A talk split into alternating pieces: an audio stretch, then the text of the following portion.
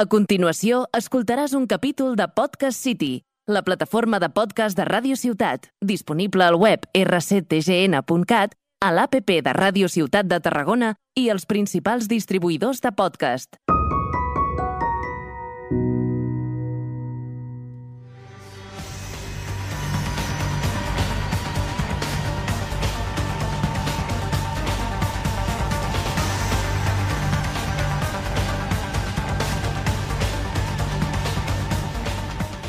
Bienvenidos a un nuevo episodio del podcast El Mundo que nos rodea, podcast en el que hablamos de ciencia y temas de sociedad y actualidad.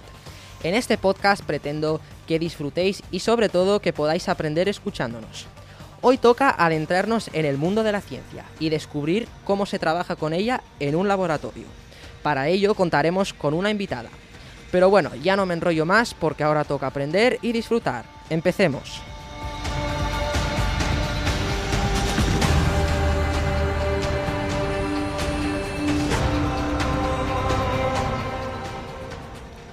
Bueno, para este tercer episodio del podcast voy a empezar haciendo una pregunta. Si os digo la palabra química, ¿en qué pensáis? La química se puede relacionar con muchas cosas. Tenemos los elementos de la tabla periódica, las reacciones, los laboratorios y más. Si profundizamos un poco más, podemos pensar en la materia, las moléculas, los átomos y seguro que alguna otra cosilla más.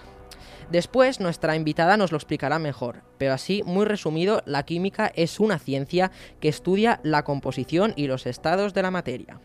La química la podemos encontrar en la vida cotidiana. La tenemos en las pilas, el cloro de la piscina, el esmalte de las uñas y muchísimas cosas más. Este tema de la química en la vida cotidiana mejor lo dejaremos para un próximo episodio. Y después también tenemos la química en los laboratorios, la cual analiza, investiga, estudia.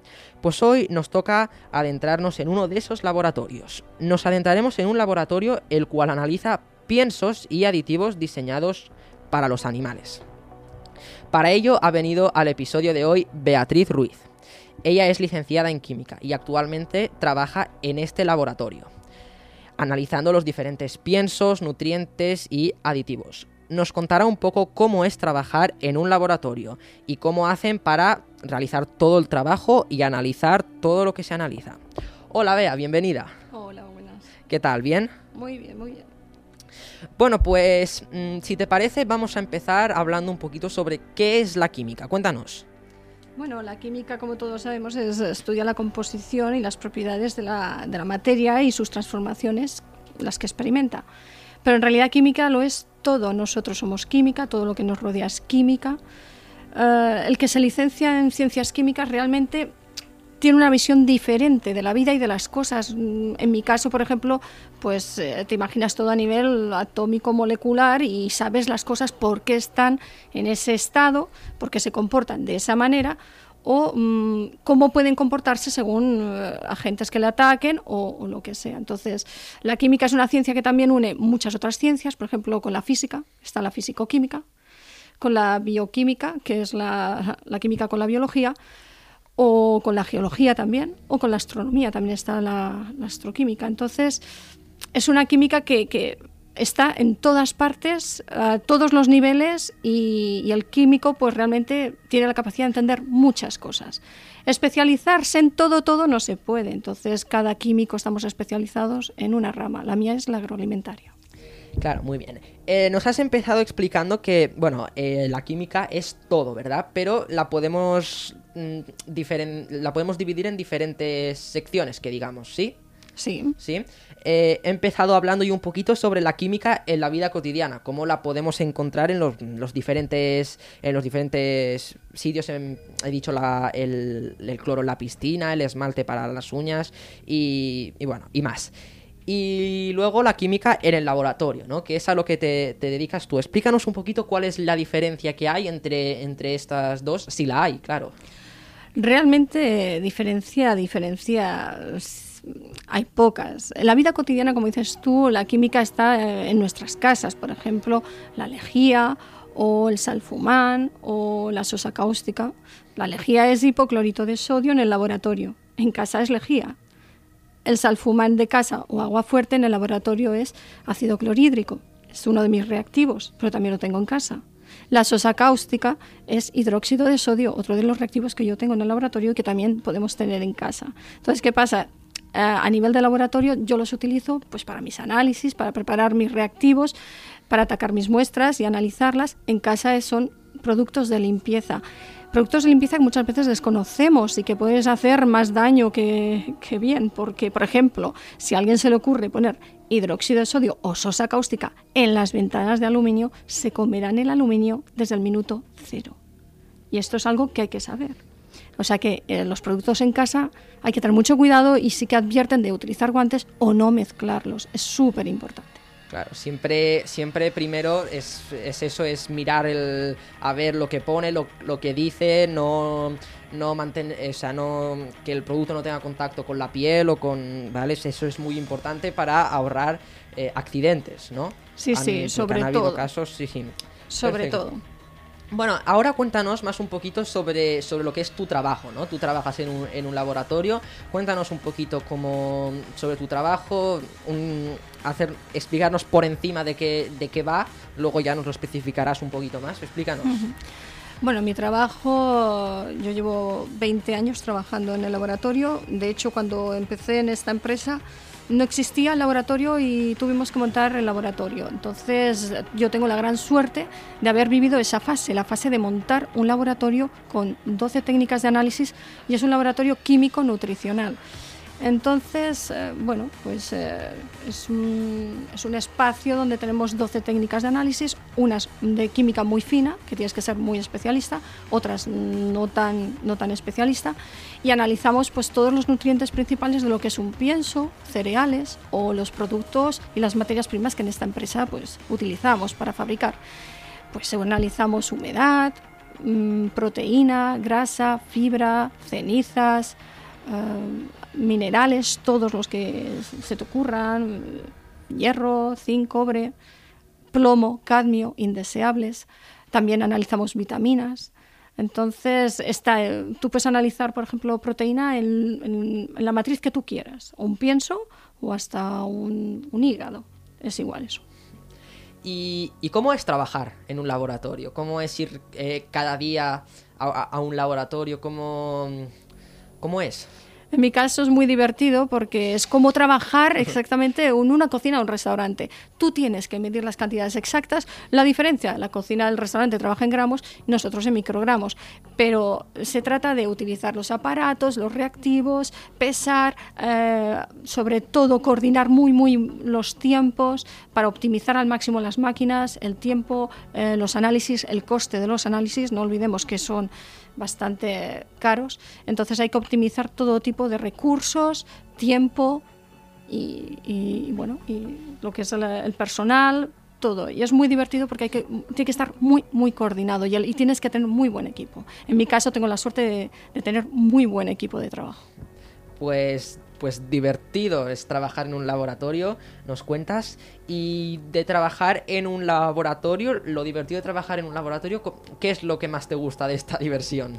Lo que más me gusta, pues bueno, ver que das resultados realmente buenos, que estos resultados sirven para después formular en piensos, para granjas, para cerdos, que es nuestro caso, y, ver que realmente todo funciona, todo, todo va coordinado, eh, que estás en un ejercicio de interlaboratorio, muestras que te llegan que estás en un grupo de trabajo de diferentes laboratorios, tienes que analizar esas mismas muestras todo el grupo y veis que tus rangos y tus resultados están dentro del grupo, es decir, es que trabajas bien, es muy satisfactorio y es todo para mí es muy divertido desde que me llega la muestra hasta que salen los resultados en un boletín de análisis firmado, o sea, para mí es todo muy divertido, muy distraído, es, está muy bien. Claro, y seguro que te voy a intentar sacar aquí un poco el, pellizco de, de, tu trabajo, lo que menos te gusta, ¿qué es, ¿qué es lo que sería? Lo que peor llevas es cuando un aparato da un tipo de error y tienes que pelear y pensar qué le pasa, desmontas, montas,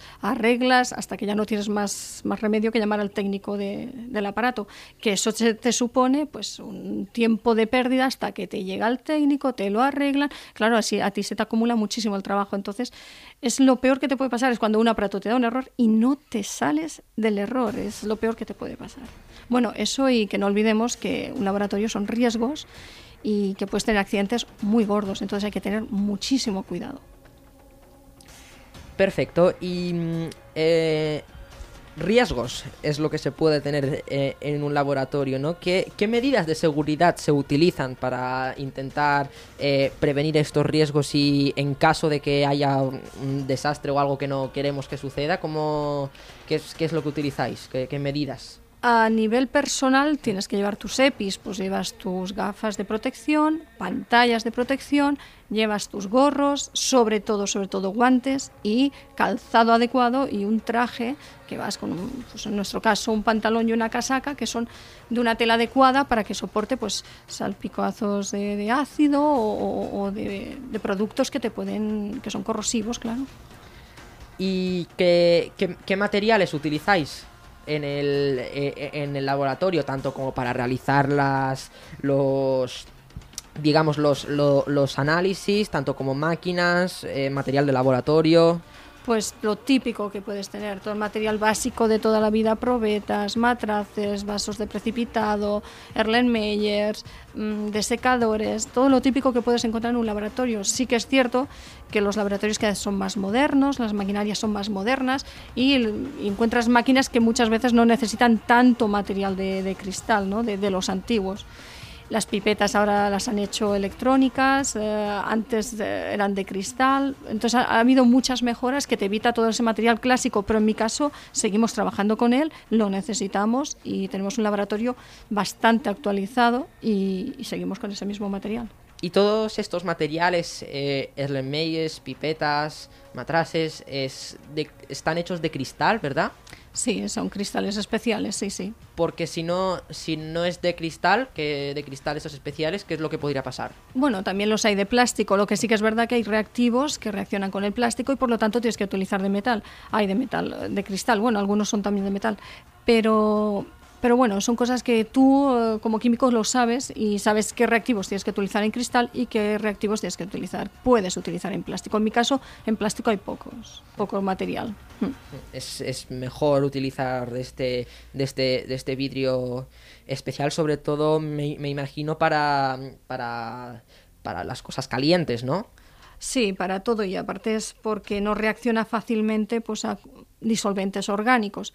Entonces se utiliza mucho el cristal. El riesgo que tienes, pues que se te puede romper y te puedes hacer mucho daño, que en mi caso pues me corté, me corté y como buen químico de laboratorio, pues ya tengo mi accidente laboral. bueno, esperemos que esos eh, accidentes laborales no, no, sean muchos. No, no, no, por suerte y por... No, no, no. Bueno, perfecto. Y ahora me gustaría pasar un poquito a la, a la parte práctica, ¿no? Como eh, explícanos exactamente de, de tu trabajo, qué es lo que hacéis y los pasos que se utilizan para bueno, para analizar eh, todos estos aditivos, nutrientes, cereales, piensos. El primer paso que tienes que hacer es moler todo, molturarlo y dejarlo todo en una harina homogénea para poder hacer un análisis exacto. Tú no puedes coger un pienso que te llegue en gránulo y coger mm, tres gránulos y ya arranco con eso. No, tienes que analizar. Primero tienes que molturar un volumen de muestra importante Luego, una vez lo tienes homogenizado, ya puedes arrancar los análisis. Pues para hacer humedad, por ejemplo, se pesan 5 gramos. Para hacer proteína se pesa 0,1 gramos. Para hacer la grasa pesarás 3 gramos. Entonces vas pesando y vas utilizando los diferentes aparatos con sus reactivos y vas obteniendo los diferentes nutrientes, que en mi caso son la mayoría humedad, proteína, grasa, fibra, cenizas, la mayoría.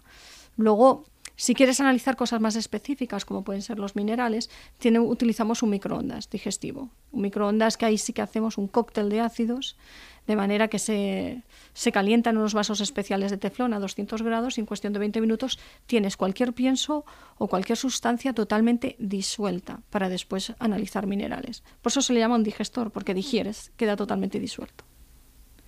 Luego también tenemos un cromatograma líquido para hacer vitaminas, que es otro de los aparatos de, más específicos ¿no? de, de los laboratorios. Mm, Vale, perfecto. Entonces, eh, bueno, tenéis todo esto molido o, o disuelto y, y después que con este, con este, mm, con estos productos, materiales ya disueltos, ¿qué es lo que hacéis? Por ejemplo, en el caso de los minerales, una vez disueltos, pues se tienen que diluir, que utilizas esos matraces de, de- cristal y vas diluyendo hasta que entras dentro de, de- de lo que es la, la curva o recta que tú utilizas de calibraje. Entonces, una vez entran dentro, ya los lees en un aparato que se llama un espectrofotómetro de absorción atómica, de llama, y entonces haces con un capilar que tiene el aparato, pues succiona la muestra totalmente líquida diluida en esa, en esa concentración que tú esperas. Y entonces te da una absorción, esa absorción la, la controla él con su calibración y te dice el tanto por ciento, en- bueno, tanto por ciento no, te habla de miligramos kilo, ppm, que contiene de ese mineral. Luego tú deshaces todo el cálculo, por cálculos la dilución que has aplicado y te dice qué concentración tiene el material original que tú cogiste para analizar. Bueno, y, el, y el análisis, ¿cómo, cómo, cómo- se haría? El, el análisis, que el resultado de si el, si el producto es, está, está bien o no. Eh, se Claro, en el- caso de la industria agro- agroalimentaria y, supongo que cualquier tipo de industria, tú cuando compras unas materias primas para, para fabricar, te vienen con unas especificaciones técnicas. Entonces te dicen qué, qué al principio activo tiene, en qué concentración lo tienes que encontrar. Te dan un margen más menos, entonces tú cuando lo analizas lo buscas y si está dentro de ese margen más menos, entonces es apto y es todo correcto. Si no estuviera, pues tienes que reclamar al proveedor a ver por qué ese, ese nutriente no está en el margen que, que ellos especifican y que tendría que ser. En el caso de tus productos, una vez has fabricado lo tuyo, como tú conoces tus contenidos, tus nutrientes, tus concentraciones de lo que tú esperas, una vez lo analizas, tú ves tu margen, si estás dentro o no, y si lo das como apto o no. Normalmente, si no cambias la fórmula, no cambias la máquina, no cambias los tiempos, no cambias el sistema, no cambias nada, suele estar siempre dentro de ese margen establecido por ti y conocido, porque además tú controlas muy mucho las materias primas que compras, que es la variable principal, y por lo tanto, si ellas están correctas, tu producto estará correcto. Mm, muy bien, ¿y hacéis algún tipo de reacciones químicas o...? Bueno, reacciones químicas, eh, las que conlleve el tipo, algún tipo de análisis, por ejemplo, pues para analizar cenizas insolubles en ácido clorhídrico, claro, se tiene que disolver y hacer reaccionar la muestra sobre un ácido mm, muy fuerte. Entonces, hay que tener cuidado y tiene una serie de tienes que hervirlo en ácido, en campana, en atmósfera protegida. Entonces, eh, sí, tienes que hacer diferentes tipos de reacciones, depende. Hay, hay, hay nutrientes que se analizan con un aparato y hay nutrientes que tienen todo una, una metódica clásica de, de- de hervir en la campana y hacer pues lo que te, te diga. Normalmente están descritos los, los análisis, no te los inventas, vienen descritos ya en un, en un, bueno, están codificados, por ejemplo, están los AOAC y un código, ¿no? Tú lo buscas y te dice exactamente la metódica que tienes que seguir, ¿no? Mm, vale, y para, para hacer el, el análisis supongo que se coge una muestra, ¿verdad? ¿Qué, qué- qué- qué cantidad de, de muestra se coge? Mínimo siempre pedimos medio kilo, porque tiene que ser representativo. Tú imagínate un silo de pienso y me coges 10 gramos, claro, sería, no sería muy representativo. Lo suyo sería pues coger me- medio kilo, lo ideal sería cogerlo en diferentes puntos, pero bueno, como no siempre eso es posible, como mínimo que, te llegue medio kilo. Luego tú harás tu muestra homogénea para analizar y cogerás y, y analizarás como mucho 50 gramos. Molturas 50 gramos como mucho. Pero claro, la muestra ya tiene que venir representativa desde las fábricas. No puedes pedir solo 50 gramos. ¿Y sería posible que de un silo... eh, eh, bueno, cuando, es un silo, el, el material supongo que es... El material, el producto supongo que es, es el mismo, se ha fabricado en el, en el mismo instante o se mezclan. No, normalmente se tiene que cumplir que todo el silo pues sea el mismo lote, entonces Sí. por lo tanto no se puede mezclar. Piensa que toda la industria trabaja con lotes, entonces no puedes mezclar un lote con otro, tienes que tener una trazabilidad, un seguimiento de, de- desde la materia prima, el lote, que, el lote que entraste, a dónde ha ido a parar y en qué momento se ha terminado y cuándo empieza tu lote de producto y cuándo acaba. Eso es súper, súper importante, o sea, no, no se puede mezclar. Vale. mm, bueno, ¿y te gustaría así explicarnos un poquito para pasar un poquito algo así más divertido? ¿Alguna anécdota mm, que haya sucedido así en el laboratorio?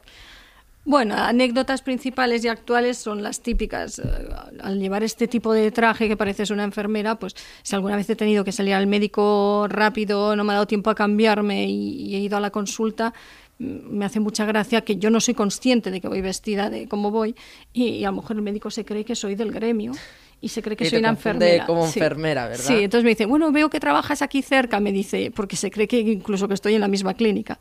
Y esto pues me ha ocurrido alguna vez y es muy, muy divertido. O alguna vez, una vez tuve que salir a, a casa por un asunto, tampoco me cambié de ropa y luego me digo, ay, pues mira, voy a comprarme el desayuno. Era en pandemia, entre la mascarilla, el traje y haciendo cola para comprarme el bocadillo, si vieras la gente, se separaba, pero te miraba mal, ¿eh?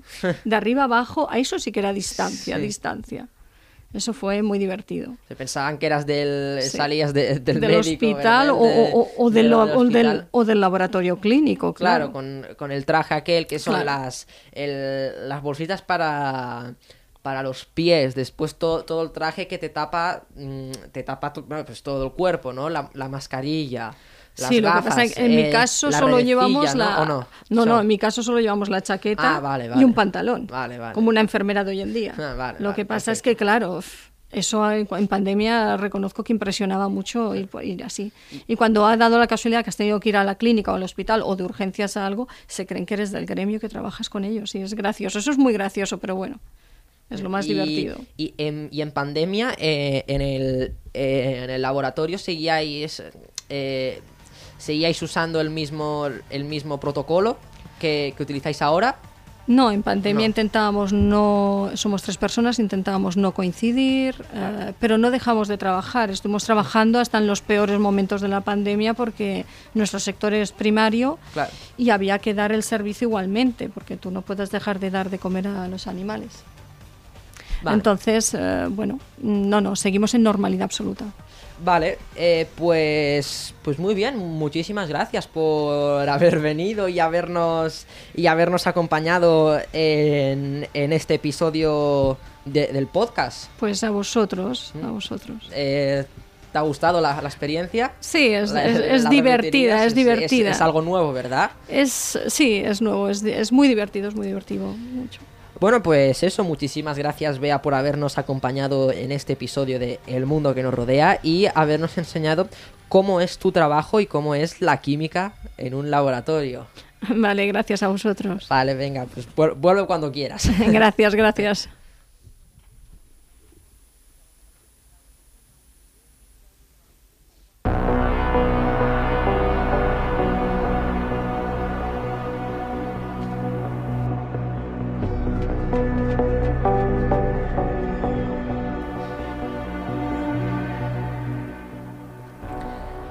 Bueno, y hasta aquí llega el episodio de hoy.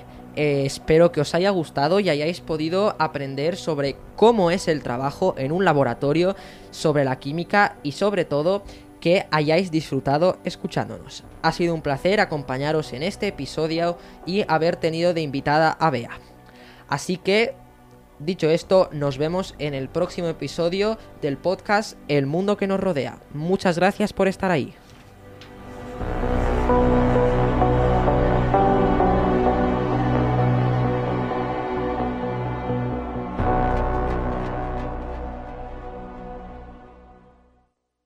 Has escoltat un capítol de Podcast City, la plataforma de podcast de Ràdio Ciutat, disponible al web rctgn.cat, a l'APP de Ràdio Ciutat de Tarragona i els principals distribuïdors de podcast.